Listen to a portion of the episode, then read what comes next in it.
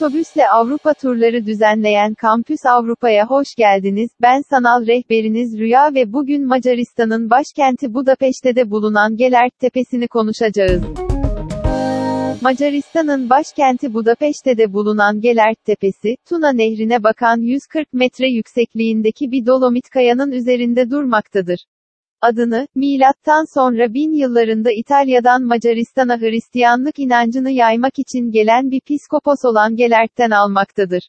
Macaristan'ın ilk Hristiyan kralı olan Stephen tarafından davet edildiği söylenmektedir. Ancak 1046 yılında, şehirdeki birkaç pagan tarafından, daha sonra ismiyle anılacağı tepeden aşağıya, bir varil içinde atılarak öldürülmüş.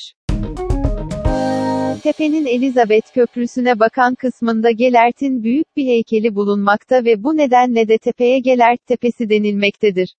18. yüzyılda tepe çoğunlukla üzüm bağlarıyla kaplı, sakin bir kırsal araziymiş. Ancak 19. yüzyıl itibariyle bu tepe askeri bir üst olarak kullanılmaya başlanmış. Özellikle 2. Dünya Savaşı esnasında, Sovyet tanklarının bu tepeden, Naziler tarafından tutulan şehre ateş ettiği söylenmektedir. Ayrıca tepede Habsburg yönetimine karşı yapılan Macar ayaklanmasının ardından 19. yüzyılda inşa edilmiş bir kale mevcut. Hem bu da hem de Pest'i bombalamak için ideal olan bu stratejik bölge, uzun yıllar askeri bir karargah olarak hizmet vermiş. Ne yazık ki Sitadella olarak bilinen bu kale bugün ziyaretçilere açık değil. Tepede aynı zamanda hediyelik eşya alabileceğiniz tezgahlar ve güzel bir Budapeşte manzarasına karşı yemek yiyebileceğiniz kafe ve restoranlar mevcut. Özellikle güneş battıktan sonra Tuna Nehri'nin ikiye böldüğü ışıklar içindeki Budapeşte'nin hafızanızdan silinmeyecek manzarasını seyredebilirsiniz.